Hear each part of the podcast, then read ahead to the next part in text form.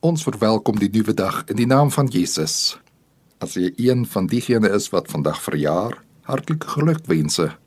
Mag die seën van die Here met jou wees.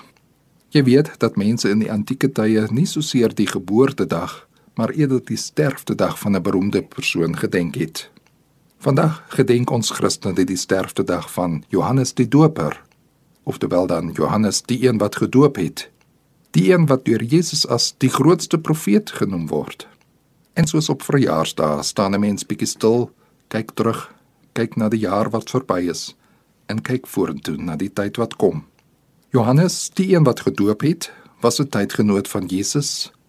Sy groot roeping was om die weg vir die Here voor te berei, om mense tot bekering te roep, en hy wys na Jesus as die gestuurde, die Christus. Kyk, dit is die lam van God wat die sondes van die wêreld op hom neem. Onder andere het hy destyds vir die koning Herodes berispe oor sy egbreuk verhouding met Herodias. Later is hy toe in die tronk gegooi en is hy ook onthoof. 'n Kort, kragtige lewensverhaal vol rusie en jaloesie met die owerhede, maar ook vol passie en ywer vir God en sy mense.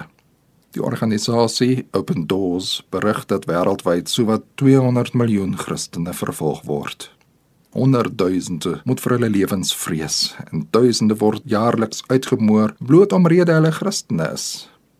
Ja, van selfsprekend is daar ook mense van ander gelowe wat deurloop, maar vandag op hierdie gedenkdag van Johannes die Doper, dink ons aan al daardie lyding en benadeling wat die Christene moet deurmaak. Ons lees in Johannes 16 vers 21. Jesus sê: "’n Vrou kry swaar wanneer haar tyd gekom het en haar kindjie gebore word, Maar wanneer die kindjie gebore is, dink sy nie meer aan die pyn nie. So bly is sy dat daar 'n mens in die wêreld gekom het. Net so ervaar julle ook nou pyn. Maar as ek julle weer sien, dan sal julle harte vol blydskap wees en niemand kan julle blydskap van julle af wegneem nie. Kom mag ek vir ons bid. Vader wat in die hemel is, laat u naam geheilig wees by my by alle mense, maar veral by diegene wat deur swaar lyding moet deurgaan bloot omdat hulle Christene is.